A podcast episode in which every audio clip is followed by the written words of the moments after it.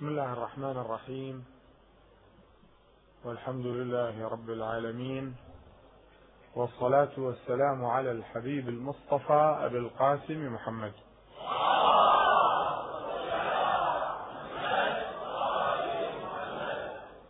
صلى الله عليه وآله الطيبين الطاهرين. بسم الله الرحمن الرحيم. يا أيها الذين آمنوا اتقوا الله وكونوا مع الصادقين. لاحظوا أنا أتحدث معكم اليوم حديث خاص. وكما قال رسول الله صلى الله عليه وآله وسلم لأمير المؤمنين سلام الله عليه يا علي لأن يهدي الله بك رجلا واحدا. وما يقصد رجل يعني الرجل الذكر.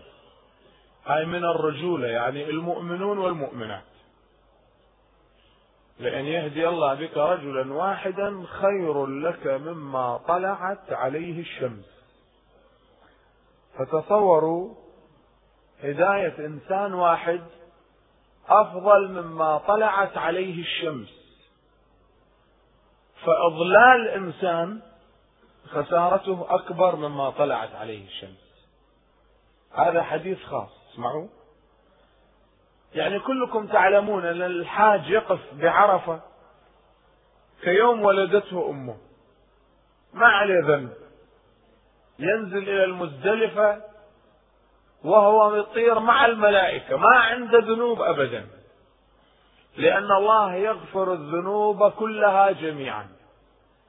لكن الأخبار والروايات وأقوال الفقهاء أجمعت بكلمة واحدة أن هذا الحاج الذي وقف على جبل عرفات وأفاض إلى المزدلفة الله يغفر ذنوبه كلها إلا حقوق الناس الله ما يغفر له الآن تأملوا يعني إذا هذا الحاج ما مصلي تارك صلاة الصبح أربعين يوم سنة سنتين.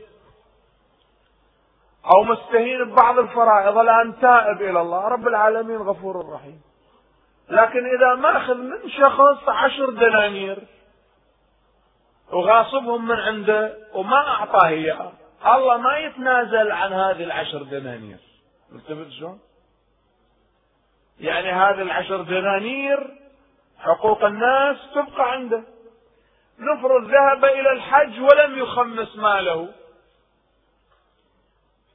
عنده خمسمائة دينار على سبيل المثال أضرب لك أمثلة يعني.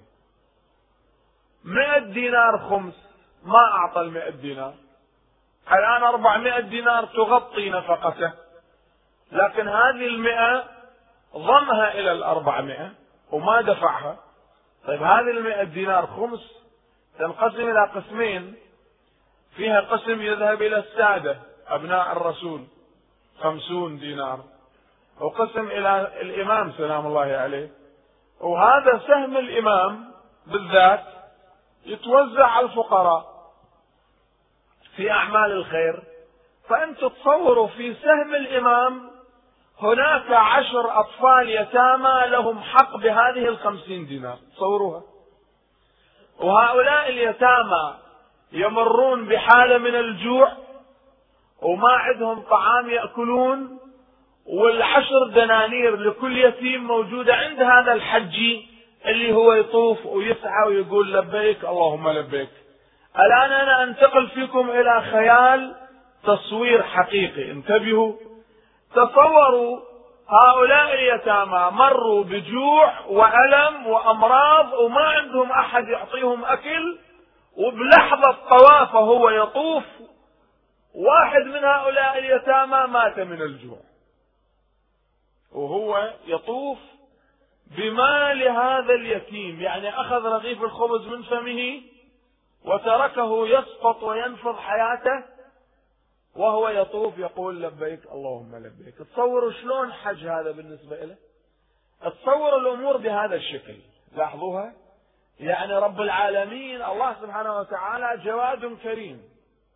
لكن الحياة قامت على هذا الأساس. الحقوق الشرعية وأموال الناس وحقوق الآخرين. فكر بها بهذا التفكير. لا مو عشر دنانير. إذا دينار واحد عليك حقوق أو أنت دفعت هذا الدينار وهذا الدينار لطفل يتيم مثلا على سبيل المثال يعود لطفل يتيم في جنوب العراق في جنوب لبنان في إيران في بنغلاديش في أندونيسيا في الدنيا وين ما كان. وهذا الطفل اليتيم بدل أن يصل إليه الدينار خبزا ويأكله نفض حياته ومات.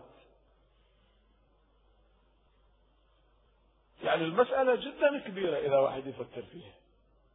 هسه الآن في قضايا أنا ما أدخل فيها نتركها للفقهاء والكذا بس تشوف واحد عنده أموال بالملايين وما يخمسها فيريد يروح للحج.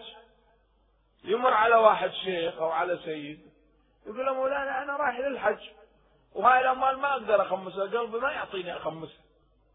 فشو نسوي؟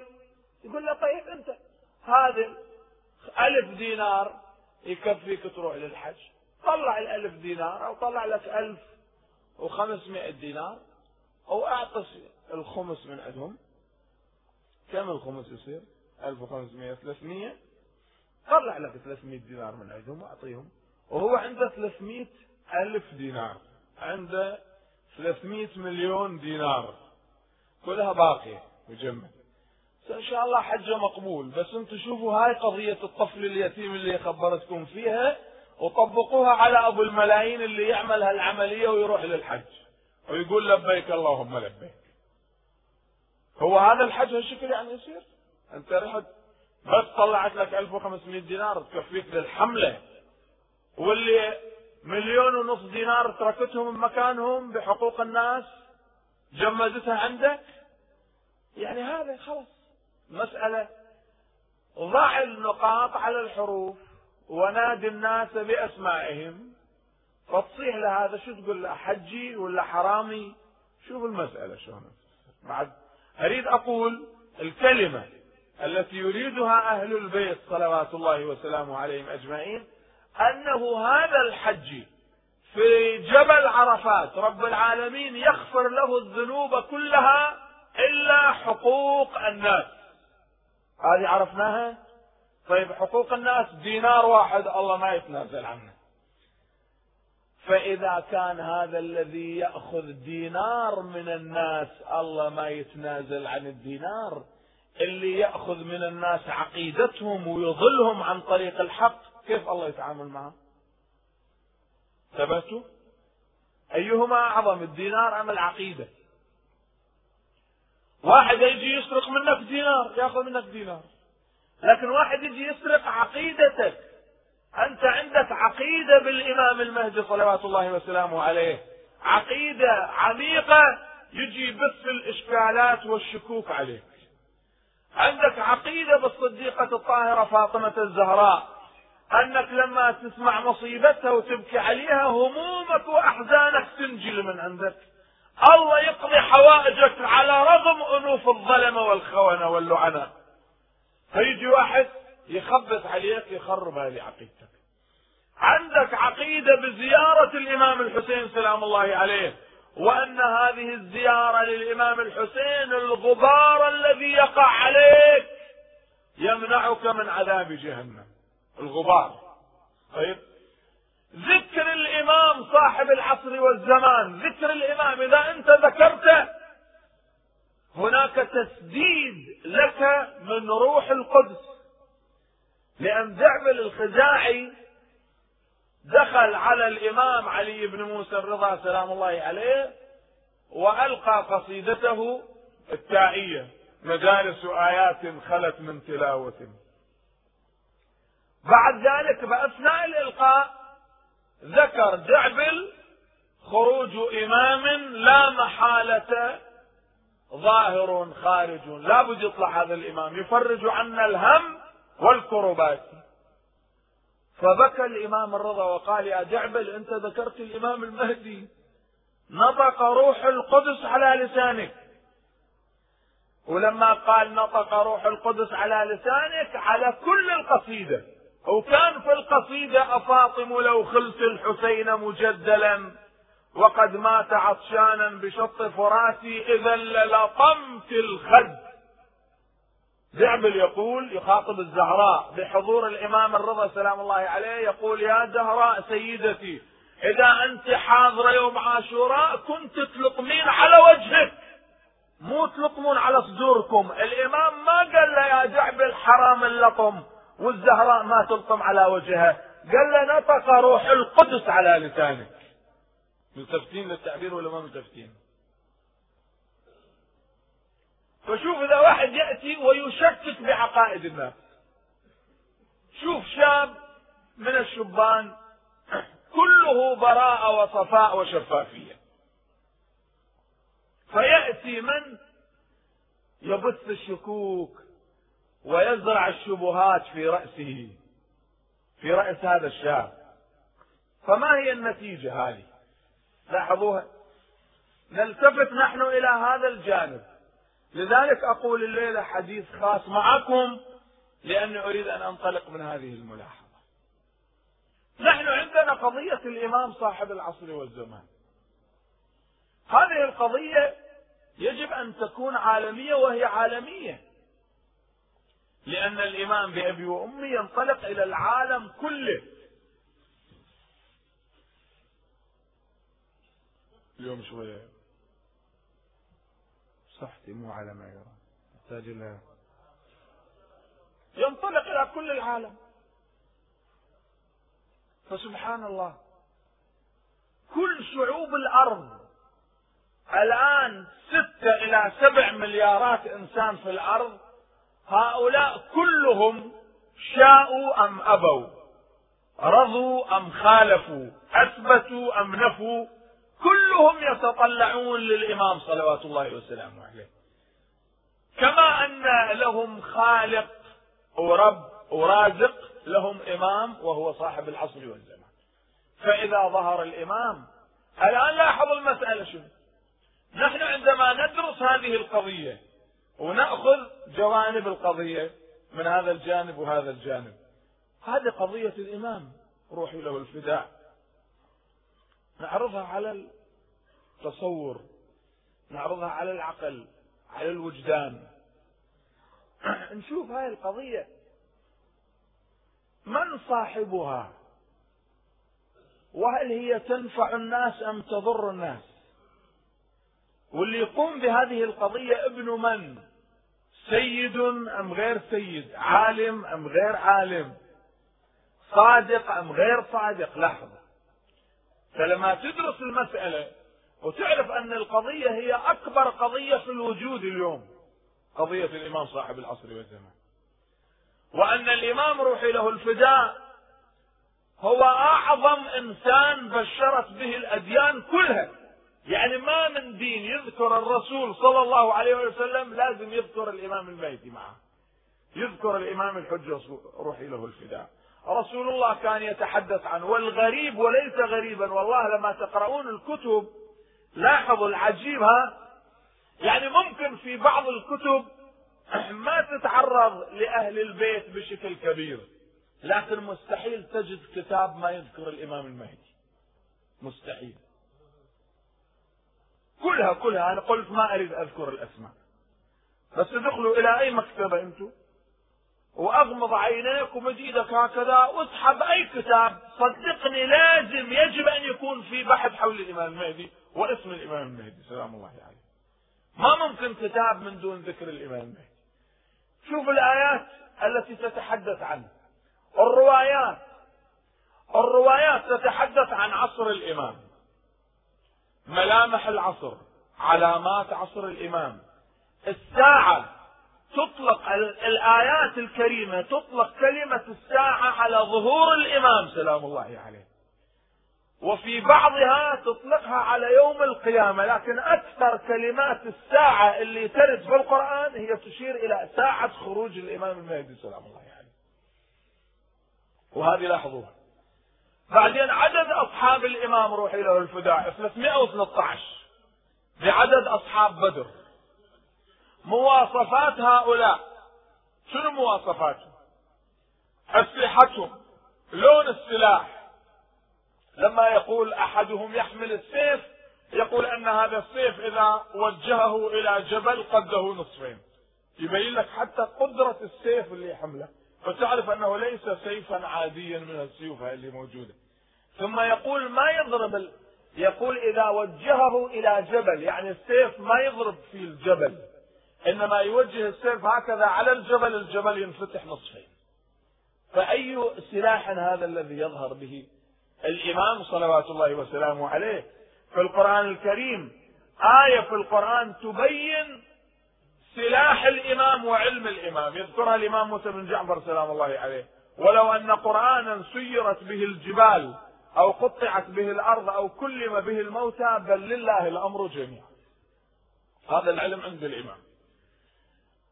الكتاب القرآن هو تبيان لكل شيء وهذا العلم كله عند الإمام ومن عنده علم الكتاب. فإذا لاحظوا بعدين الروايات تصف الإمام صلوات الله وسلامه عليه. شعر الإمام شنو لونه؟ حتى أسنان الإمام تذكرها الروايات. حتى أسنان الإمام. خال على خده الأيمن. لاحظوا الدقة. أجل الجبهة أقنى الأنف. يعني الأنف قاني أقنى الأنف في, في حدودب على ظهر الأنف مثل الرسول صلى الله عليه وآله وسلم. هذه صفات رسول الله صلوات الله وسلامه عليه. لاحظ كيف يظهر الإمام أين يظهر؟ كيف يخطب؟ كيف يتكلم؟ يطلع الإمام سلام الله عليه من مكة. الصيحة تحصل قبل ظهور الإمام في شهر رمضان.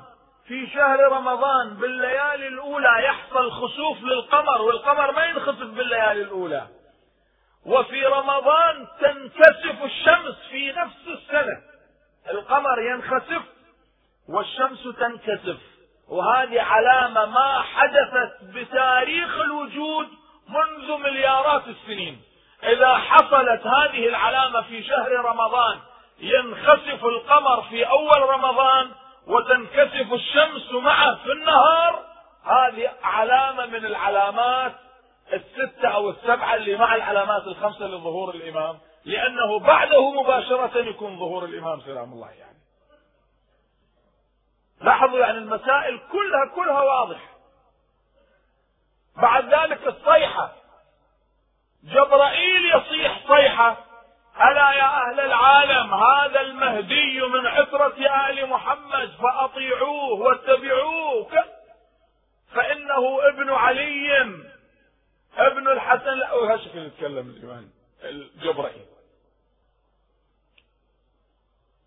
إن الحق أيها الناس إن الحق مع علي وشيعته. وبعد ساعات الشيطان يصيح. الشيطان يصيح. يصيح الشيطان لا يا جماعة يا أهل العالم اسمعوا! وراح كل الناس تسمع صوت الشيطان أول مرة. أول مرة تسمع صوت الشيطان. الآن هذا الشيخ الأنصاري رحمة الله عليه جالس يدرس الطلاب. وواحد من طلابه جاء إليه. قال شيخنا البارحة أنت عندك عمل قمت فيه؟ قال لا ما عندي عمل. هو شنو العمل؟ أنه الشيخ الأنصاري كانت زوجته حامل ضربها الطلق قصة معروفة ومفصلة. فالشيخ الأنصاري ما عنده أموال عنده مئة دينار أمانة فيحتاج دينار واحد يشتري لها طعام لتقويتها امرأة في المخاض فيسمع أنينها ما عنده فلوس. يقوم إلى الأمانة يريد يأخذ دينار يرجع يقول له صاحب الأمانة ما إذن لي أني أتصرف فيها كيف أخذ دينار منها؟ فيرجع والمرأة تئن بالحجرة. إلى عشر مرات عشر مرات يقوم الشيخ الأنصاري كل ما يسمع أنين زوجته وهي في المخاض وضربها الطلق يقوم ليأخذ دينارا بعد ذلك يرجع. يقول لا هذه أمانة أنا ما أخونها. عشر مرات قال والله ما أمد إيدي للأمانة حتى لو ماتت زوجتي. زين؟ شوف هذا الشيخ الأنصاري اللي الآن كتبة تدرس صار لها 180 سنة. اللي ما يقرأ كتب الأنصاري ما يصير مجتهد أبدا. المكاتب الرسائل. هذا الرجل الزاهد. فهذا التلميذ يقول له شيخنا أنت عملت عمل البارحة بالليل؟ قال لا ما عندي عمل. ليش؟ تسأل لماذا؟ قال شيخنا أنا شاهدت الشيطان. قال أنت شفت الشيطان؟ قال له إي والله شفت الشيطان على حقيقته. قال له كيف شفت الشيطان؟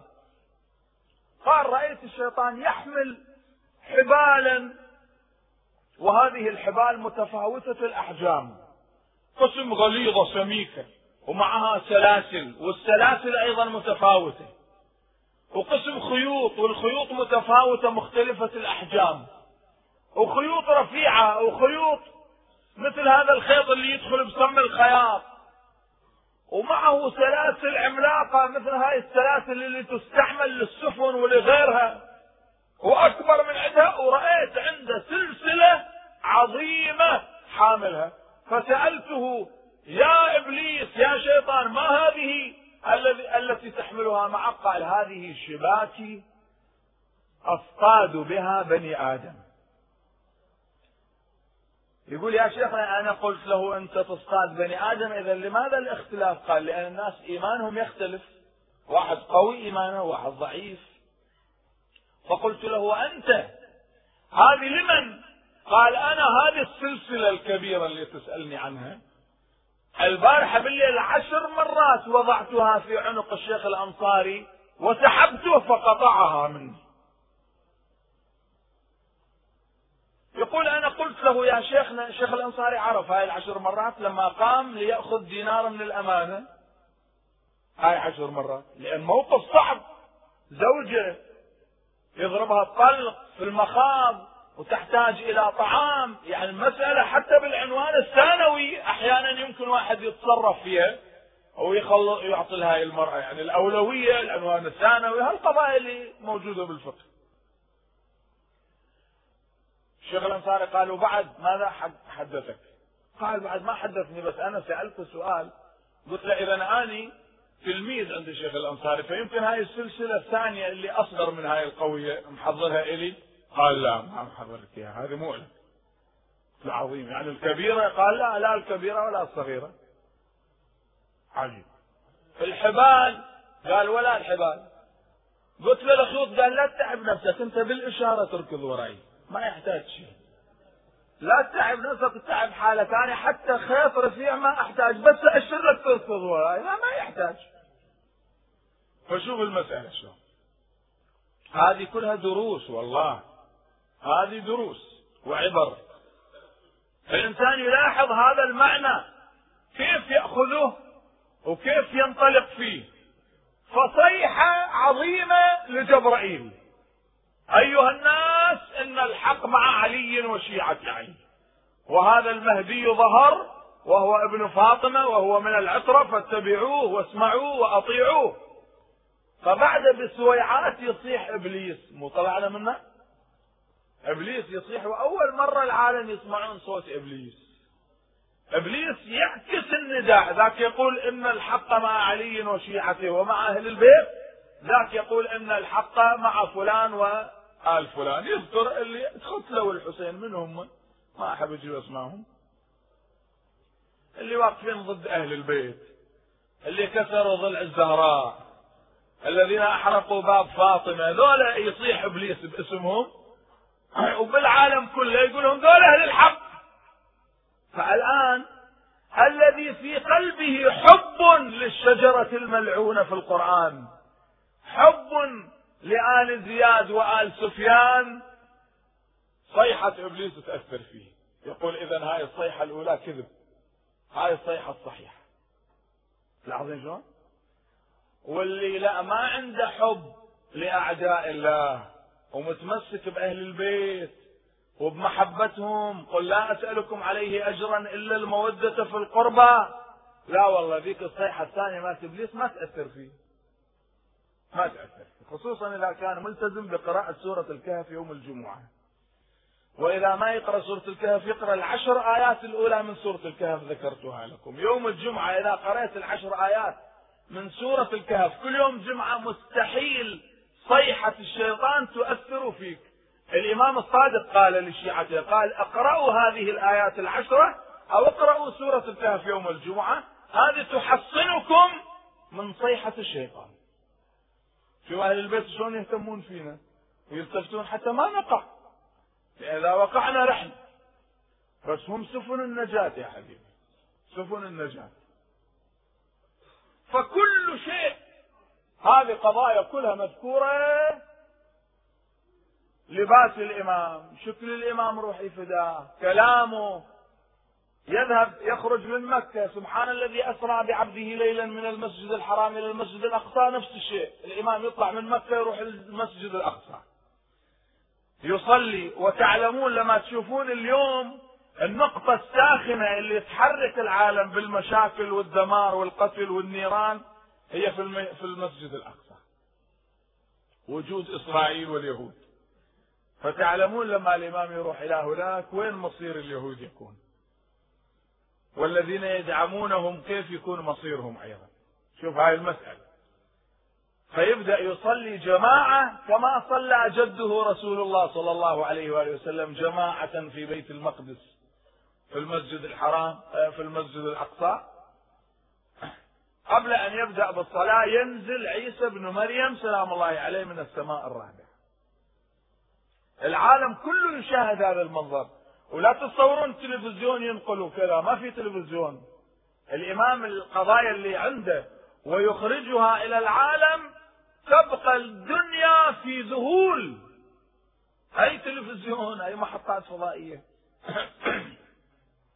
كل شيء في الوجود يسخره الإمام سلام الله عليه. يعني. كان السحاب مسخر لسليمان بن داود. الإمام سلام الله عليه يسخر له كل شيء. أحيانا يمر عليه جيش لقتاله وقتال أصحابه والإمام بذاك الموقف يرفع رأسه فيرى سحابة يؤشر للسحابة أن تضرب الجيش. فالسحابة تضرب الجيش وتمطره بالنار والقتل والدمار. فتصوروا هذا هذا المنظر كيف تتصوروا أنتم؟ يعني أشياء الناس غافلين عنها وهي في طريقها للتحقق والتحقيق الان. لا نوقت ولا نعين يا أحبتي. إنما نحن نعيش عصر يعني أقل ما يقال أننا في عصر الظهور. الآن في عصر الظهور. فيجب أن نلتفت إلى هذه القضية، لكن من يلتفت يا أحبتي؟ من يلتفت ومن ينظر إلى الحقائق؟ واليوم إحنا لازم ننظر للحقائق. وخصوصا شهر رمضان أقبل إلينا. اللي ينظر للحق والحقيقة هو المتقي يعني صاحب التقوى. القران الكريم يتحدث يقول ليس كل الناس يتمكنون من معرفة الحقيقة إنما أهل التقوى. اذا المفتاح موجود. يا أيها الذين آمنوا اتقوا الله ولتنظر نفس ما قدمت لغد واتقوا الله. شوف اتقوا الله ولتنظر نفس. إذا التقوى منظار. التقوى منظار. من دون تقوى ما تعرف شيء. ما تشوف شيء نهائيا. اتقوا الله ولتنظر نفس ما قدمت لغد. طيب نحن عندنا نظر للقرآن الكريم وعندنا نظر أيضا لأهل البيت سلام الله عليهم وعندنا نظر للوسيلة التي توصلنا إليهم. ففي القرآن يقول ذلك الكتاب لا ريب فيه هدى للمتقين. في أهل البيت يقول اتقوا الله وكونوا مع الصادقين الآية التي قرأناها. في الوسيلة التي توصلك إليهم اتقوا الله وابتغوا إليه الوسيلة. إذا لاحظوا ما تركب السفينة إلا بالتقوى وما تكون مع أهل البيت وتعرفهم إلا بالتقوى وما تعرف القرآن إلا بالتقوى. والإنسان الذي لا ولاية لأهل البيت في قلبه لا يقال له متقي لأنه أي تقوى عند إنسان يعصي الله بأكبر قضية وهي الولاية. فإنما يتقبل الله من المتقين. الآن لاحظوا هذا. فما دام وصلتكم إلى هنا يا أحبتي إذا دعوني أذكر لكم هالملاحظة العجيبة اللي إحنا ما ملتفتين إليها. عندنا الصيام. الصيام واجب وبعد شنو؟ ها؟ مستحب. واجب ومستحب. فعندنا الصيام الواجب والمستحب موزع على ثلاثة أشهر. طبعا هذا لا ينفي ما عداه الصيام موجود في كل السنة. تصوم في أي وقت مستحب. لكن الصيام الواجب والمستحب المعروف بمدرسة أهل البيت موزع على ثلاثة أشهر. رمضان وجوبا صيام واجب في رمضان وفي رجب وشعبان الصيام مستحب. الآن لاحظوا لماذا الصيام الآن وزع على هالأشهر الثلاثة. نحن نريد أن نعرف نريد نعرف الحقيقة ونعرف القضايا الواقعية. الإنسان عندما يسترسل مع نفسه ويعطي نفسه هواها ومبتغاها ومشتهاها وكل ما تطلب منه تنغلق أمامه الأبواب ما يستطيع أن يعرف شيء. لاحظوا. الإنسان الذي يأكل ويشرب ويضاجع وينام ليل نهار ليل نهار ليل نهار ما ممكن يعرف الحق. ما يعرف الحق. يتبلد لاحظوا يتبلد. فيحتاج أن ينقطع عن الاسترسال مع شهواته. يأتي القرآن الكريم في قضية كبرى مهمة حقيقة يقول لك هنا تزود بالتقوى.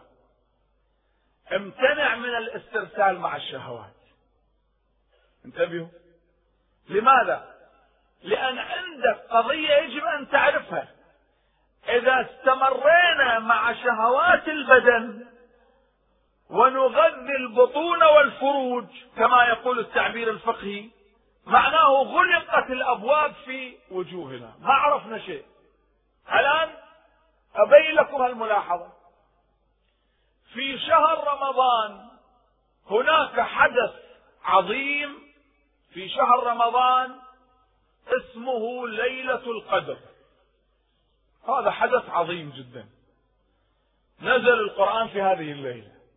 وهاي الليلة مرتبطة بنا جميعا وبكل البشر. فهذه الليلة تسجل مصير الإنسان. شنو المصير؟ تسجل مصير الإنسان. وين يكون هذا الإنسان؟ لكي نعرف عظمة شهر رمضان القرآن يقول شهر رمضان الذي أنزل فيه القرآن هدى للناس وبينات من الهدى والفرقان. فما دام هدى للناس وبينات من الهدى والفرقان فإنه يحتاج إلى تقوى لمعرفة هذا الحق. صح ولا مو صحيح؟ العبادات فروع الإسلام اقرأوها الصلاة الصيام الحج الزكاة الخمس الأمر بالمعروف والنهي عن المنكر الجهاد في سبيل الله هذه هاي لاحظوها كلها. تجدون اثنتين شعيرتين من هذه الشعائر كل الشعائر تعطي تقوى. لكن هناك شعيرتان أو شعيرتين إن هناك فريضتين من هذه الفرائض اللي هي أكثر من عشرة فريضتان تعطيان التقوى وتفتحان الرؤية أمام الإنسان في نفس الساعة في نفس اللحظة. هما الصيام والحج. الصيام والحج. يا أيها الذين آمنوا كتب عليكم الصيام كما كتب على الذين من قبلكم. يبين لك الحكمة مباشرة. لعلكم تتقون. إذا الصيام يعطيك التقوى. الحج كذلك. الحج في الحج يأتيك النداء. لأنه ولا آمين البيت الحرام يبتغون فضلا من الله ورضوانا. الحجاج الله يكتب أهدافهم بالقرآن. يقول رايحين للحج ولا آمين آمين يعني من أما يا أمه مو آمين اللي يقولها واحد بعد صلاة بعد سورة الحمد. يطير بسم الله الرحمن الرحيم اللي موجودة ويخلي لها شيء ما له علاقة فيها. لا آمين من أما يا أمه إذا سار نحو الاتجاه. يقول ولا آمين البيت الحرام. يعني ذولا أيضا حافظوا على حقوقهم. لا تقطعوا الطريق لا تقتلوهم. ولا آمين البيت الحرام يبتغون فضلا من الله ورضوانا. إذا هؤلاء الحجاج عندهم هدف فضل من الله ومن اللي يعطيك الفضل؟ الجواد الكريم. ورضوان من الله بعد ذلك على لسان شيخ الأنبياء وبطل التوحيد في القرآن إبراهيم الخليل الله يقول له وأذن في الناس بالحج يأتوك رجالا وعلى كل ضامر يأتين من كل فج عميق ليشهدوا منافع لهم. اذا ثلاثة أشياء صارت للحج. اولا تطلب فضل من الله ثانيا رضوان ثالثا منافع. وهذه الثلاثة تحتاج إلى تقوى. لذلك بين الصفا والمروة يأتيك النداء وتزودوا فإن خير الزاد التقوى. هذه في الحج. لماذا؟ لأن هناك حدثا وأحداث عظيمة حصلت لا بد أن نلتفت إليها. شهر رمضان أنزل فيه القرآن. والقرآن يحتاج إلى تقوى لمعرفته. لازم نمتنع عن الطعام والشراب. نمتنع. وجوبا نحن امتنعنا عن الطعام والشراب. وعن ممارسة الجنس عن الشهوات. خلص في الحج كذلك. في الحج ماذا يصنع؟ في الحج يأتي إليك يعطيك القضية المهمة. في نفس الإحرام ما يمنعك عن الطعام والشراب لكن يمنعك أن تسترسل مع شهوات وأهواء وآراء يصنعها الشيطان والهوى. يقول لك هذه زوجتك اللي هي حلال عليك الآن صارت حرام عليك سواء كانت معك بالحج أو تركتها في بيتك. لما أحرمت حرمت زوجتك عليك. وهذه الزوجة ما تحل لك إلا بطواف النساء وهو آخر مناسك الحج. لما تطوف زوجتك تكون حلال عليك إذا طفت طواف النساء. شو تأملوا التعبير؟ شوي لاحظوا لاحظوا المسألة وين. فإذا كانت الزوجة الحلال يحرمها عليك مناسك الحج تحرم عليك فما بالك ببقية النساء؟ ما بالك بأعراض الناس؟ إذا كانت زوجتي حرام علي إذا كانت زوجتي حراما علي فبقية النساء ولذلك هذا الحرمة ليس للزوجة فقط إنما الإحرام يحرم عليك النساء في شرق الأرض وغربها. لكن يبدأ معك من زوجتك. التفت للتعبير؟ إذا ما في استرسال. ما تتحرك ما تكذب ما تنظر إلى وجهك بالمرآة ما تشوف وجهك بالمرآة. لأن الله لا ينظر إلى صوركم ينظر إلى قلوبكم. بالحج الله يريدك تلتفت إلى قلبك إلى نفسك في الداخل. تشوف لون نفسك ما تشوف وجهك ما لك شغل بوجهك. وإذا ركزت على وجهك وشفت وجهك بالمرآة لازم تروح تذبح لك ذبيحة. ملتفت ولا ما ملتفت؟ لماذا؟ لأن التربية والتركيز أنه اطلع من حدود البدن. لا تعاين على شكلك وعلى وجهك وعلى كل شيء. انظر إلى قلبك. حاسب قلبك شوف بقلبك موجود أمير المؤمنين علي بن أبي طالب ولا ما موجود؟ شوف قلبك موجود في الإمام الحسين أم لا؟ انظر إلى قلبك هل تجد الصديقة الطاهرة فاطمة الزهراء في قلبك أم لا؟ ها. انظر إلى نفسك هل هناك خلق في نفسك أم لا؟ ما تنظر إلى وجهك بالمرآة هذه المادية الزجاجية ولكن انظر إلى نفسك بمرآة التقوى. اتقوا الله ولتنظر نفس ما قدمت لغد. هل لاحظت المسألة كيف؟ لماذا كل ذلك؟ لقضية مهمة حديث الثقلين. كلكم تحفظونه. إني تارك فيكم الثقلين كتاب الله وعترتي أهل بيتي. ما إن تمسكتم بهما لن تضلوا من بعد. كتاب الله والعترة ففي رمضان الصيام لمعرفة كتاب الله. وفي رجب وشعبان لماذا نصوم استحبابا. الآن لاحظ شهر رجب من الأشهر الحرم. شعبان ليس من الأشهر الحرم. نحن عندنا اثنا عشر شهرا أربعة منها حرم. رجب ذي القعدة ذي الحجة محرم. وترتيب الأشهر القمرية تبدأ من رمضان. الآن هالبحث ما أدخل فيه. لأن أول السنة القمرية ليس محرم إنما هو رمضان. لأن رمضان فيه ليلة القدر والله سبحانه وتعالى في ليلة القدر يكتب للعباد ما يجري عليهم طول السنة. إذا أول السنة رمضان. وإلا إذا كان أول السنة محرم يصير محرم وصفر وربيع وربيع وجماد وجماد ورجب وشعبان رمضان يصير الشهر العاشر. يعني بعد شهرين تخلص السنة. فشلون الله يكتب لك إلى سنة وأنت بعد شهرين خلصت السنة؟ شلون مهزلة هذه؟ ملتفتين لها ولا ما ملتفتين لها لذلك أهل البيت كلهم يؤكدون أن أول السنة القمرية رمضان. أول السنة رمضان. ولما يظهر الإمام صاحب العصر والزمان بالعالم كله التاريخ يبدأ من شهر رمضان. وهذا شيء عظيم لأننا نبدأ السنة الجديدة بصيام ثلاثين يوم ثم ننطلق فيها. هذا شيء عظيم وفيها ليلة القدر. الآن شهر رمضان يأتي. لكنه رجب من الأشهر الحرم. إذا عندنا أربعة أشهر حرم. رجب وثلاث أشهر مع بعضها. يكون ذي القعدة وذي الحجة ومحرم. الآن على تعبيرنا هذا تشوف الأشهر الحرم ما ملتصقة مع بعضها.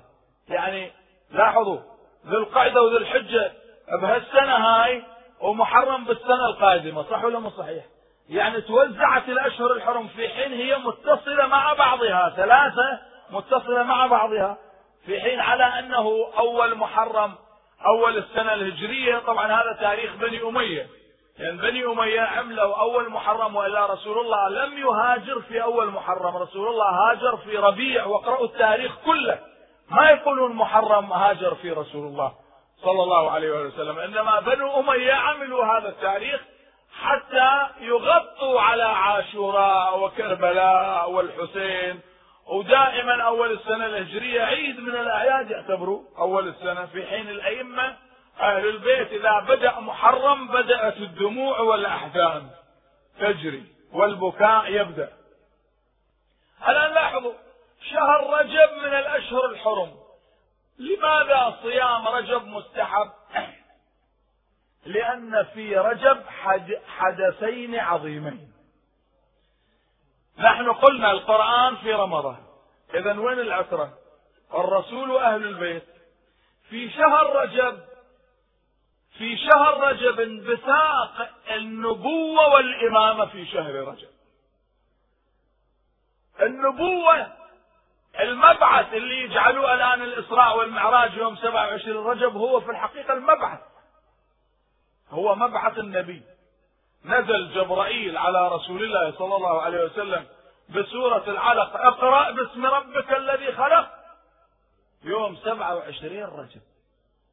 إذا البعثة النبوية في رجب وولادة الإمامة. أمير المؤمنين ولادته في رجب أي يوم؟ يوم 13 وهذه كلها أسرار انتبهوا. لأن هذه مال 13 ترمز رموز رهيبة. ترمز رموز عجيبة. هاي هاي قضية 13 يكون الإمام مولود في 13 رجب والنبوة والبعثة النبوية في 27 رجب. لاحظوا؟ وولادة الإمام سبقت البعثة صح ولا مو صحيح؟ كله مرتل يعني ما كانت البعثة وبعدين ولد الإمام. الإمام ولد في 13 رجب وبعد عشر سنوات من ولادته بدأت البعثة النبوية. هذا على الظاهر اللي تشوفوه أمامكم. وإلا النبي هو نبي وآدم بين الماء والطين لكن لما نزل جبرائيل فيوم 13 رجب ولادة أمير المؤمنين يوم 27 رجب انبثاق النبوة والمبعث بين 13 و 27 كم يوم؟ 14 يوم. فشوفوا الرمز إلى 14 معصوم كيف بين النبوة والإمامة. لاحظوا الدقة في التعبير. يكون شهر رجب فيه الإمامة والنبوة. في شهر رجب وهو من الأشهر الحرم. إذا النبوة والإمامة في الشهر الحرام في البلد الحرام في البيت الحرام. النبوة والإمامة. يكون الإمام علي ولادته وين؟ في الكعبة. سمعت العام الماضي في رمضان؟ أنه من ولد في الكعبة؟ السؤال ما حتى واحد يربح له مليون. شنو مليون؟ دولار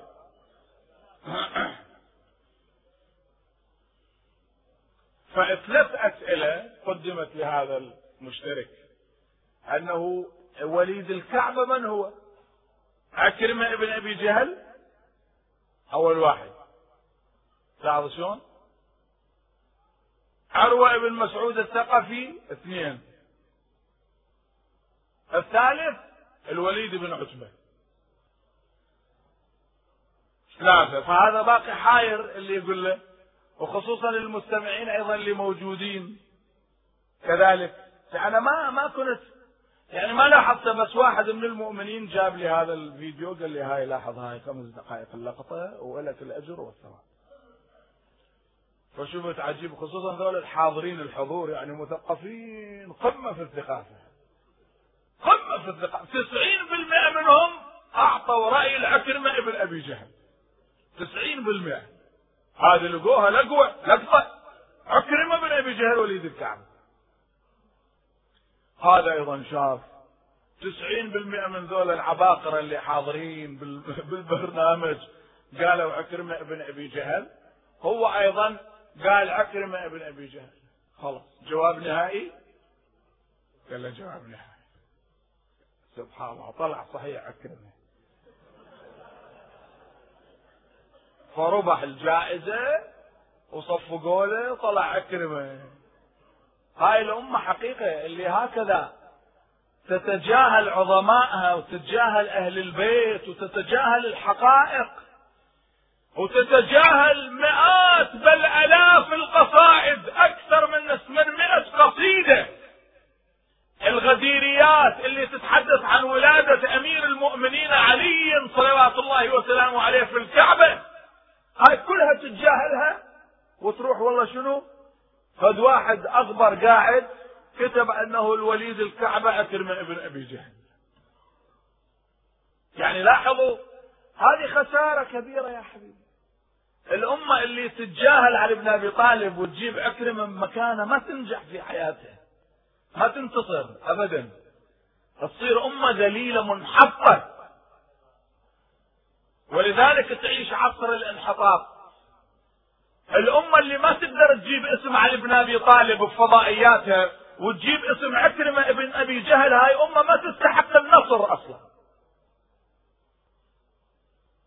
لأن اليهود اللي يهزهم من أعماقهم مو عكرمة ابن أبي جهل اللي يهزهم قالع باب خيبر اللي قلع حصونهم قلع باب خيبر الإمام علي سلام الله عليه.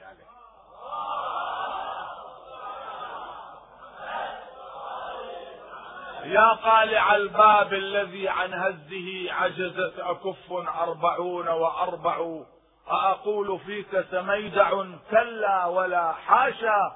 لمثلك أن يقال سميدع. حتى عبد الباقي العمري يقول في قصيدته يخاطب الإمام علي يقول أنت العلي الذي فوق العلا رفعا. ببطن مكة وسط البيت إذ وضعا.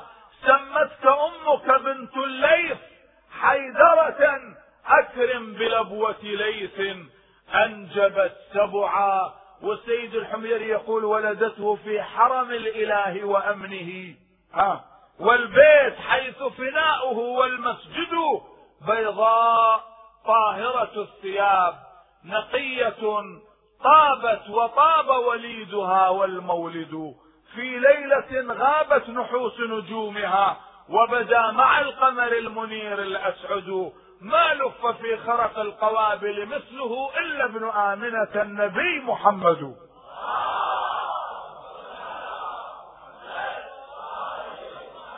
هاي العظمة يا عزيزي. هذه العظمة. وإلا العباس بن عبد المطلب والعالم جالسين ويشوفون فاطمة بنت أسد فدوى الهالمشية هذه. فدوى تراب رجليك سيدتي. اجت تتمشى ها؟ فاطمة بنت أسد تعرفها منو ها؟ أم أمير المؤمنين وهي حامل بالإمام علي. الإمام السجاد سلام الله عليه يقول جاءت فاطمة بنت أسد وهي حامل بأمير المؤمنين وكانت صائمة. كانت صائمة وتطوف حول البيت لأن أم الإمام طاهرة. أم الإمام مؤمنة أبو الإمام مؤمن الإمام لا يولد إلا من أبوين مؤمنين. الإمام السجاد يقول أنا ابن عديمات العيوب يشير إلى هذه الحقيقة أن الإمام ما يولد إلا من أبوين مؤمنين ونساء مؤمنات. أنا ابن عديمات العيوب أنا ابن نقيات الجيوب. يقول وقفت أمام البيت وقالت اللهم إني مؤمنة بك آخر دعاء. اللهم بحق هذا البيت ومن بناه وبحق الم... يقول أنا جالس رأينا جدار الكعبة انفرج لفاطمة بنت أسد.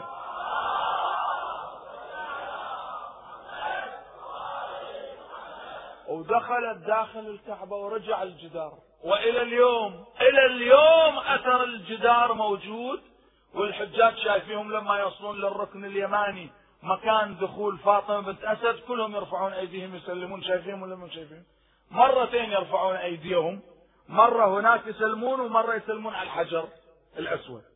لأنه لازم تلمس الحجر إذا ما تستطيع تلمسه تأشر عليه حتى يشهد لك عند الله لأن هذا الحجر الأسود هو ملك من الملائكة وليس حجر بهذا المعنى. وكان أبيض مثل اللجين واسود هذا الحجر من ذنوب الناس وهو ملك من الملائكة الله أنزله في قضية مفصلة ويشهد على كل من يمر عليه يشهد له عند الله سبحانه وتعالى. فالحجاج يشوفون الركن اليماني يشيلون يديهم أيديهم يسلمون. وإلى اليوم الأثار دخلت فاطمة بنت اسد بقيت ثلاثة أيام داخل الكعبة كلما حاولنا أن نوصل إليها نساءنا بعض الطعام يقول ما تمكنا.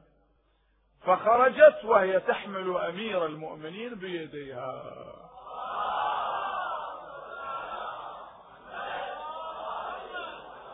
بارك الله فيكم بارك الله فيكم إذا لاحظوا المعنى أحبتي. فمعناه صيام شهر رجب لأن فيه الإمامة والنبوة. وشعبان كذلك.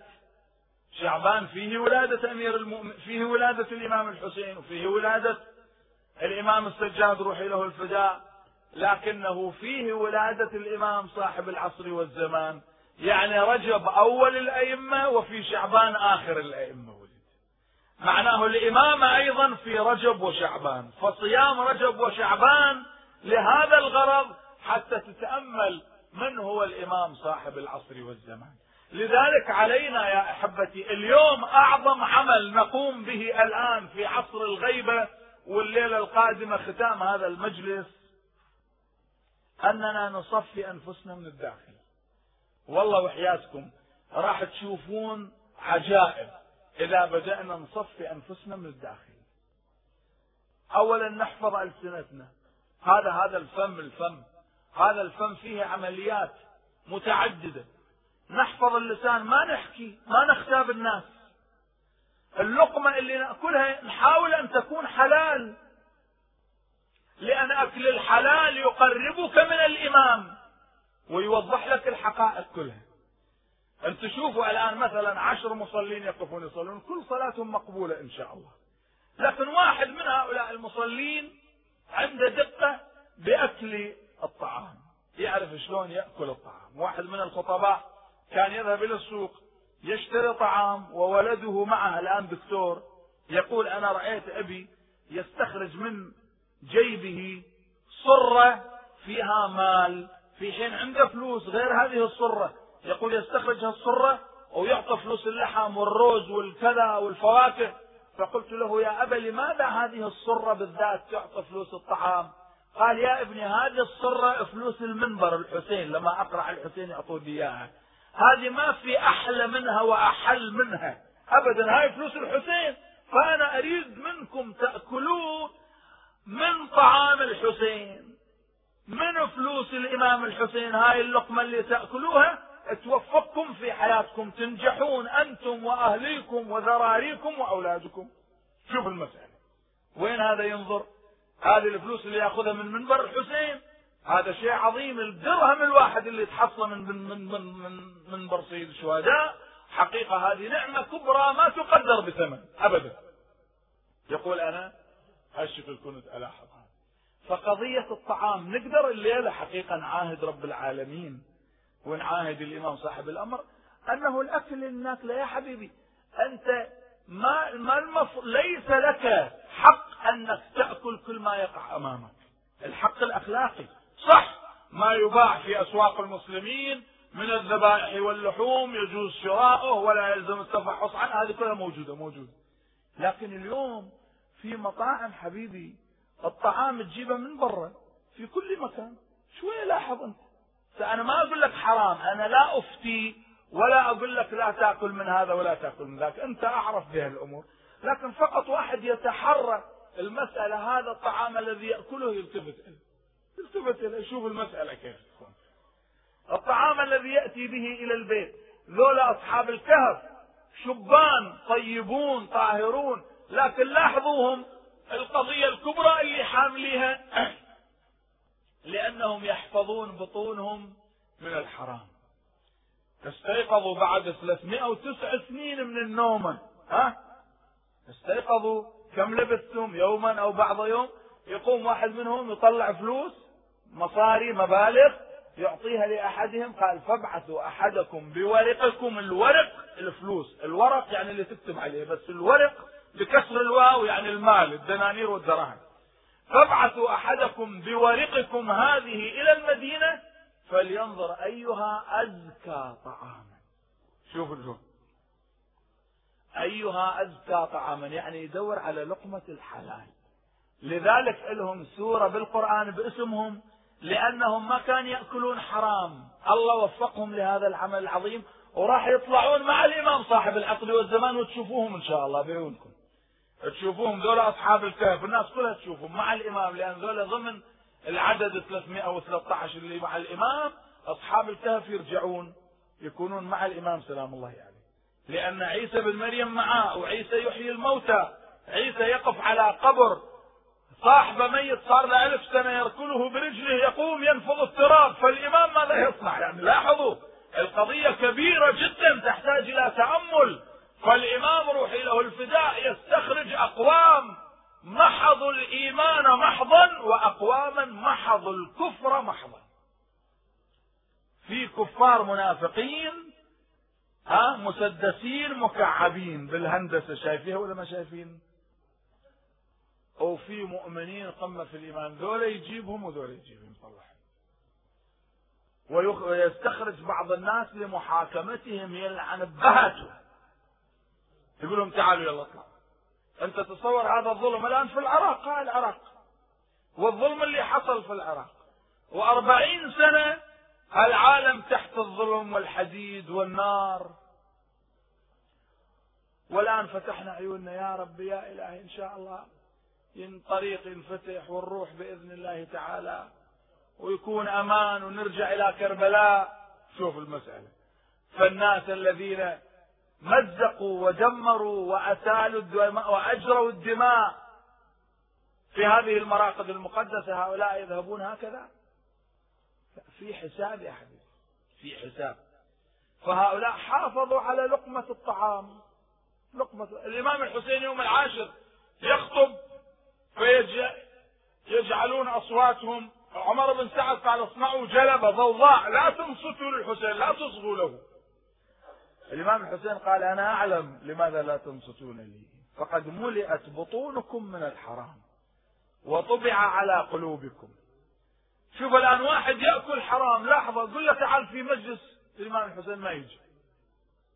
ما يهوى لأنه بطنه مليئة بالحرام. فلازم يا أحبتي نلاحظ هذا المعنى. طعامنا الأكل كلوا من الطيبات واعملوا صالحا ثم نحن في عصر الغيبة نحتاج إلى عمل صالح. نشارك في أعمال الخير في طبع الكتب. الآن إذا كل واحد منكم يتكفل بطبع مئة كتاب حول الإمام الحجة سلام الله عليه. يعني. يتكفل مو هو يكتب. في آلاف الكتب. الآن شوفوا هاي الكتب. هاي الكتب اللي موجودة يقولون هذه قرابة ألف كتاب فيها. هاي المكتبة كلها حول الإمام المهدي صلوات الله وسلامه عليه. فإذا يجي واحد يأخذ له كتاب يأخذ مئة كتاب يطبعهم يوزعهم على العالم. يأتي شخص آخر من الشبان يعرف يتكلم اللغة الإنجليزية عنده قدرة يترجم هذه الكتب إلى لغة أخرى. واحد. اللغة الفرنسية يترجمها. العمل أبواب العمل مفتوحة أمامنا. وعدم العمل هو نقصان حظ. صدقوني. ليش واحد ما يعمل؟ لأن هذا نقصان حظنا إحنا عايشين بالحياة على ظهر الكوكب هذا. فمتى نعمل؟ إلى أن ندخل بالقبر. رب ارجعوني لعلي أعمل صالحا فيما تركت الآن فرصة ثمينة. ها؟ هذه الفرصة نستثمرها يا أحبتي ونحن ننطلق معكم. اتقوا الله وكونوا مع الصادقين. فنكون مع الإمام سلام الله عليه. نرفع أنفسنا مستوانا. نهيئ أنفسنا. حقيقة نقدر نهيئ أنفسنا أم لا؟ واحد ما يدري في أي لحظة يطلع الإمام صاحب العصر والزمان. ما تهيئ نفسك؟ في الأخبار أهل البيت يقول هيئ نفسك صباحا ومساء لاستقبال الإمام صلوات الله وسلامه عليه. أنت ما تدري. مرة واحدة الإمام ظهر. الآن هاي الأحداث اللي تحصل في العالم يعني قبل هذه الأحداث ما كانت تحصل إلا بمئة سنة. الآن الحدث اللي كان يحصل بمئة سنة صار يحصل بمئة يوم. وأنتم عارفين الأحداث اللي صارت. حدث واحد صور قبل ساعة العالم له صورة وشكل معين وسياسة معينة. الساعة الثامنة صباحا يوم 11 شنو؟ الشهر؟ يوم 11 تسعة. يوم 11 تسعة الساعة 8 كل الكرة الأرضية لها صورة خاصة وسياسة خاصة. الساعة بعد الساعة الثامنة الساعة بالعشرة بعدها بساعتين الكرة الأرضية كلها تغيرت. هذا شفتوه بعينكم ولا ما شفتوه؟ خلال ساعتين يعني ساعتين 120 دقيقة. أنا قلت هكذا. كل العالم تغير. السياسة تغيرت الصور تغيرت الأمور تغيرت. يعني ما ال 120 سنة تغير ب 120 دقيقة. هذه كلها إشارات يا حبيبي. الآن نفس الشيء في ظهور الإمام سلام الله عليه قبل عشية. يعني الآن الآن في الليل ما في ذكر للإمام ولا أحد يفكر في الإمام. بعد 12 ساعة تشوف الإمام ماخذ الكرة الأرضية كلها. ويخطب ويتكلم والعالم يموج موجا. فما نهيئ أنفسنا ولا نهيئ أنفسنا؟ نهيئ حبيبي هاي صلاة الليل لا تتركوها. بالله عليكم يا شباب. حافظوا على صلاة الصبح. أخذ لك منبه خليه على رأسك. وبعده عنك لا تخليه قريب منك. لأن إذا دق وأنت قريب طفيه وترجع تنام. لا خليه بعيد عنك حتى تقوم تطفيه وما ترجع. تعرف نفسك قوي لأن الشيطان يقول لك ارجع ارجع. دايخ أنت ما تقدر تقرأ الآن. حتى الصلاة حتى صلاتك ما تتوجه له خذ لك خمس دقائق هو بس يريد يرجعك للفراش. هذا شغل الشيطان بس يريد يرجعك. ما رجعت بس ترجع. بمجرد أن ترجع يقوم يلولي لك على راسك. دل اللول دل اللول دل اللول بعدين يفتح عينه يشوف الشمس على راسه. لا! مع الأسف الشديد. والشيطان يضحك عليه لا الإنسان يكون قوي. أنا لما قمت من من الفراش. قمت من فراشي. الآن وقت الصلاة. إذا أنا وزير ها؟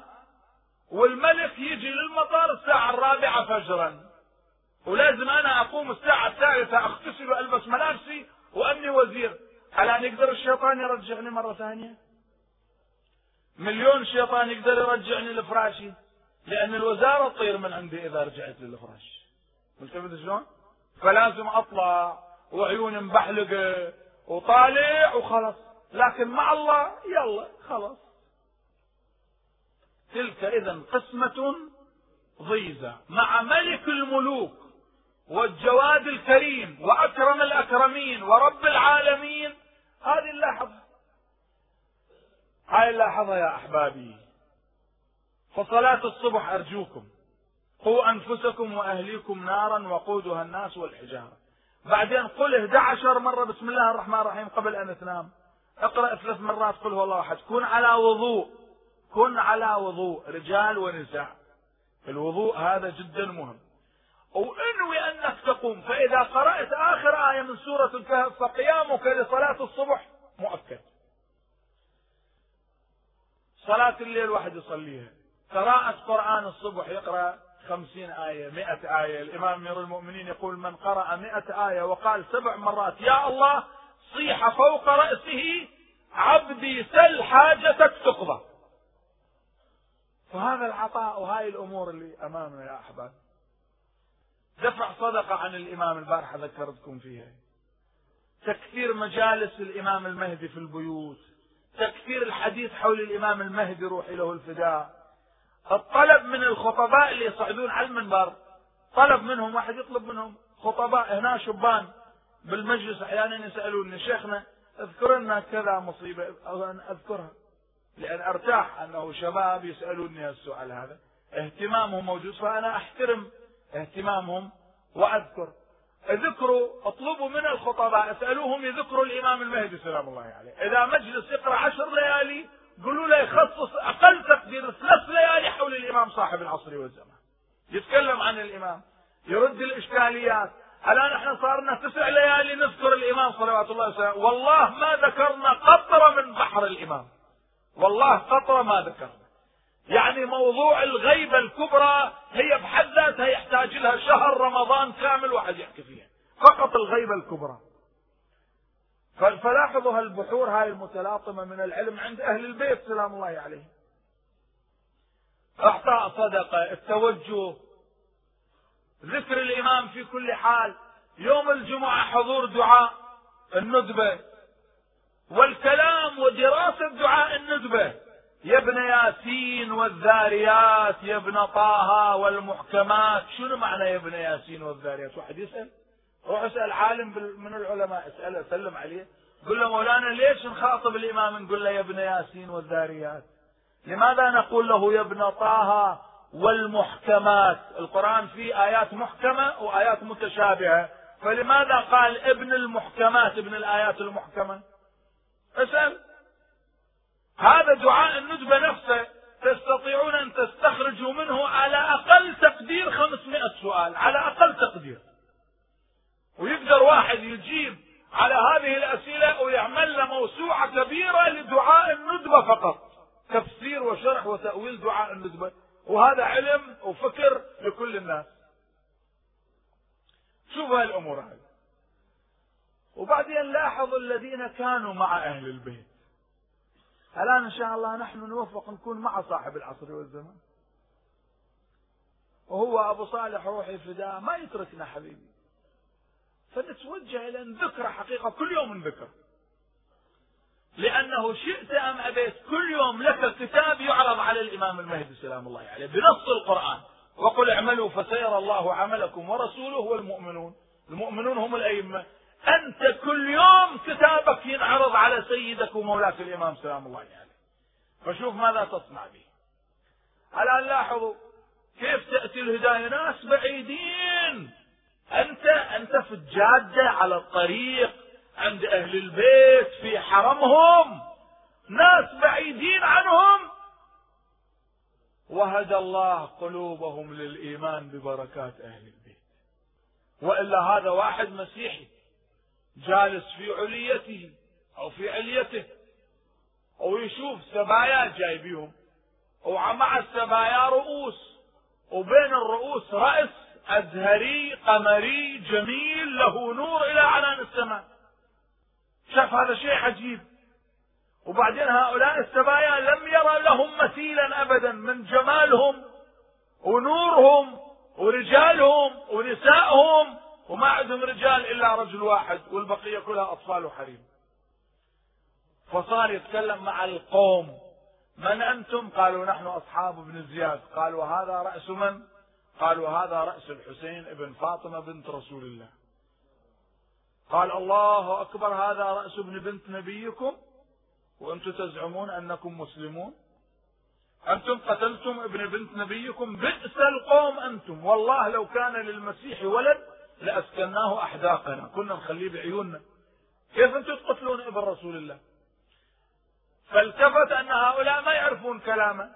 قال عندي عشرة آلاف دينار ودرر وجواهر تأخذونها وتعطون الرأس يكون عندي تمام الليلة؟ فإذا رحلتم أخذتموه قالوا وما يضرنا؟ ناولوه الرأس ناولهم الدراهم والدرر والجواهر هذا راهب مسيحي لكن يبحث عن الحقيقة. الله في القرآن يذكر المسيحيين الذين جاءوا للإسلام يقول وترى أعينهم تفيض من الدمع مما عرفوا من الحق. شوفوا بكائهم الله يذكر الحقيقة فجلس هذا الراهب ترك رأس الحسين في حجره هنيئا لك. أنت وين الآن هو هذا الراهب؟ وين؟ مثل ملايين الرهبان سقطوا راحوا لكن هذا وين الآن؟ مع الحسين مع رسول الله. ويمكن عندما يظهر الإمام يرجع هذا ونشوفه إحنا ويقول يا جماعة أنا حملت رأس الحسين في حلب وجعلته على على حجري وبكيت عليه والعالم كلها تشوف وتشاهد. يلاحظون الحقائق. فجلس يبكي الليل كله. إلى أن أصبح الصباح. قال يا رأس لا أملك إلا نفسي. أنا الليلة رأيت رؤية عجيبة. هو يقول رأيت الأنبياء والرسول ورسول الله رأيته ورأيت أمك الزهراء فاطمة يا حسين. وهي تبكي عليك. وتحمل رأسك في حجرها وتقول ذبحوك يا ولدي عطشانا. فأنا يا رأس أنا لا أملك إلا نفسي يا سيدي وهو يقرأ القرآن الإمام سلام الله عليه. يعني. فأنا أشهد أن لا إله إلا الله وأن جدك محمد رسول الله وأنك ولي الله وابن وليه. ثم خرج من الدير وما فيه صار يخدم أهل البيت. هذا واحد مسيح. وهب بن حباب الكلبي آه بالصحراء له مضرب وخيمة الإمام الحسين في طريقه من الحجاز من مكة إلى العراق ترك عائلته لحظات وذهب إلى خيمة. فيها امرأة كبيرة جالسة وفيها فتاة معها. سلم عليهما رد عليه السلام. قال ما عندكم رجال؟ وين رجالكم؟ قالت للمرأة ابني ذهب ليجلب الماء لنا. الحسين يعرف انه هذا واحد من اصحابه لازم يمر عليه حتى ياخذه معه. شفت؟ هو مسيحي لكن هذا الآن الله سبحانه وتعالى يرحمه ببركات نور الحسين وببركات سيد الشهداء. أنا أتعجب والله أقول هذا مسيحي ارتفع إلى قمة وصار مع أصحاب الحسين والإمام الصادق يقول له بأبي أنت وأمي فكيف نحن شيعة الحسين؟ كيف إحنا ما نستفيد وما ننتفع؟ قال لها أمة الله ذهب يجلب الماء قالت ذهب يجلب الماء قام الإمام الحسين وضع يده إصبعه على الأرض نبع الماء أمامها. وإذا ما حلو عذب لطيف. قامت المرأة قالت أنت المسيح ابن مريم؟ قال لا أنا الحسين بن علي.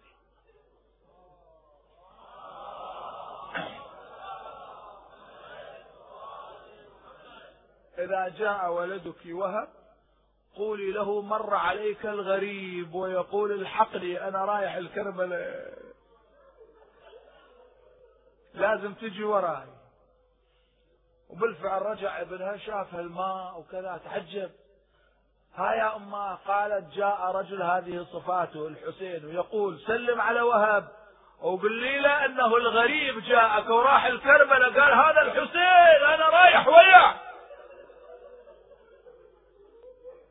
وإذا سبحان الله يتشاهد الشهادتين ويأخذ أمه وزوجته ورأسه مباشرة بنفس اللحظة يلتحق بالطريق التحق بالحسين. ويوم العاشر هذا كان إلى موقف عجيب. نزل يقاتل قتال الأبطال. وزوجته كانت تنهاه شابة عمرها عشرين سنة مسيحية كانت. لكنها أسلمت على يد الحسين. هو أسلم أمه أسلمت. شوف المعنى. الله أكبر. بعدين قطعت يمينه قطعوا يمينه فوقف هو وقف في المعركة ويسمع هذه امرأة من خلفه تناديه يا وهب يا وهب قاتل لماذا واقف؟ هو كان واقف متحير لأنه ما يستطيع أن يمارس القتال الآن. يده اليمنى ضربت وقطعت وجاءته ضربة على صدره فواقف يفكر تتصور أنه أحجم عن القتال. ما تدري أن يده مقطوعة. التفت إليها قال لها ويحكي أنت كنت الآن كنت تنهيني عن القتال. الآن جئت تقاتلين معي تركت الخيمة وجئت للمعركة. من اللي قال لك تجين؟ قالت يا وهب لا تلمني إن واعية الحسين كسرت قلبي.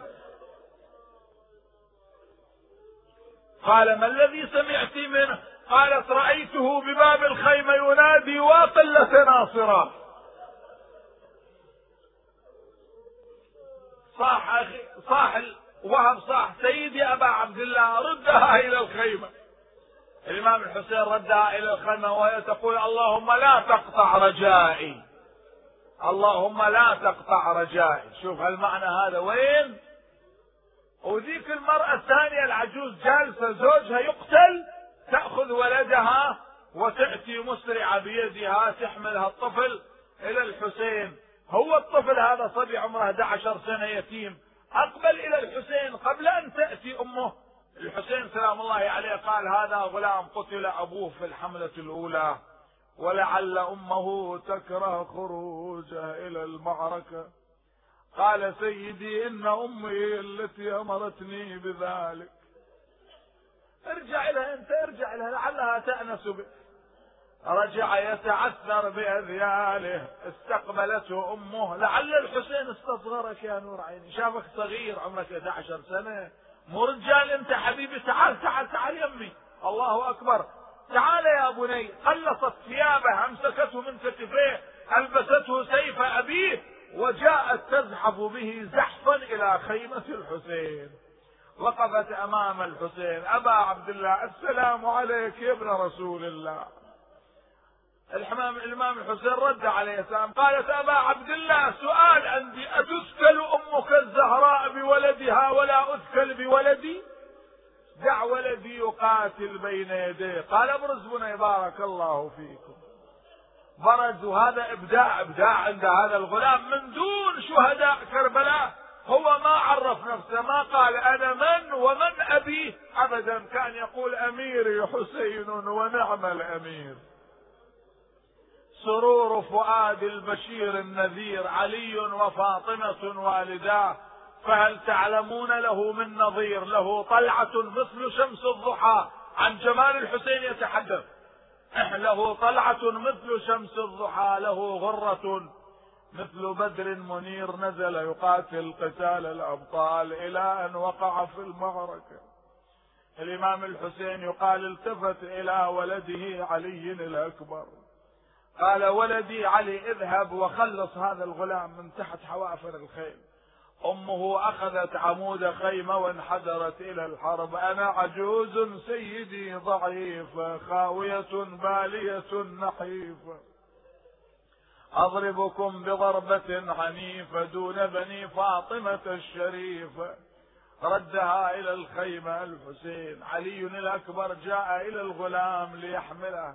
نظر إلى شفتيه تتحركان. الله أكبر. آخر ساعة. فأصغى له انحنى عليه وإذا يسمع صوت ضعيف يقول له سيدي علي حولوا رحل أمي إلى رحالكم. فإنها أصبحت غريبة ليس لها أحد. قال والله لو انعمنك عينا يشبان يشبان يا بالله لا تونون. لا تونون تصدعون قلبي من تحنون. ما أدري بعد إيش تريدون. شبان مثل البدر يزهون والسافة على الغبر ينامون. بسم الله الرحمن الرحيم. الليلة القادمة ليلة ختام المجلس. فإذا تجون بالمجلس وواحد يحمل معاه شيء من السكر أو من الحلوى في كيس صغير يخليها يمه لعلنا نذكر حديث الكساء. وهذا في بركة كبيرة لقضاء الحوائج وشفاء المرضى. أقولها لكم حتى نشترك بالثواب. بارك الله فيكم. بسم الله الرحمن الرحيم. أمن يجيب المضطر إذا دعاه ويكشف السوء؟ أمن يجيب المضطر إذا دعاه ويكشف السوء؟ أمن يجيب المضطر إذا دعاه ويكشف السوء؟ أمن يجيب المضطر إذا دعاه ويكشف السوء؟ أمن يجيب المضطر إذا دعاه ويكشف السوء؟ أمن يجيب المضطر إذا دعاه ويكشف السوء؟ باسمك العظيم الأعظم الأعز الأجل الأكرم. يا الله يا الله يا الله يا الله. يا مجيب دعوة المضطرين. بأحب الخلق إليك محمد وعلي وفاطمة والحسن والحسين. فرج عنا. فرجا قريبا عاجلا كلمح البصر أو هو أقرب من ذلك. بسم الله الرحمن الرحيم، اللهم صل على محمد عبدك ورسولك ونبيك وصفيك وحبيبك وخيرتك من خلقك وحافظ سرك ومبلغ رسالاتك. أفضل وأحسن وأجمل وأكمل وأزكى وأنمى وأطيب وأطهر وأسنى. وأكثر ما صليت على عبادك على أحد من عبادك ورسلك وأنبيائك. وأهل الكرامة من خلقك يا رب العالمين. اللهم وصل على علي أمير المؤمنين. ووصي رسول رب العالمين. عبدك ووليك وأخي رسولك وحجتك على خلقك وآيتك الكبرى والنبأ العظيم. وصل على الصديقة الطاهرة فاطمة الزهراء سيدة نساء العالمين. وصل على سبطي الرحمة وإمامي الهدى الحسن والحسين.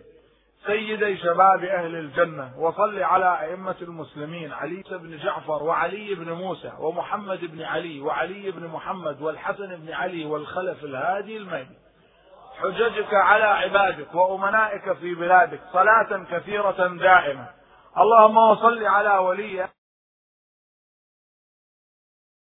أمرك القائم المؤمل والعدل المنتظر وحفه بملائكتك المقربين.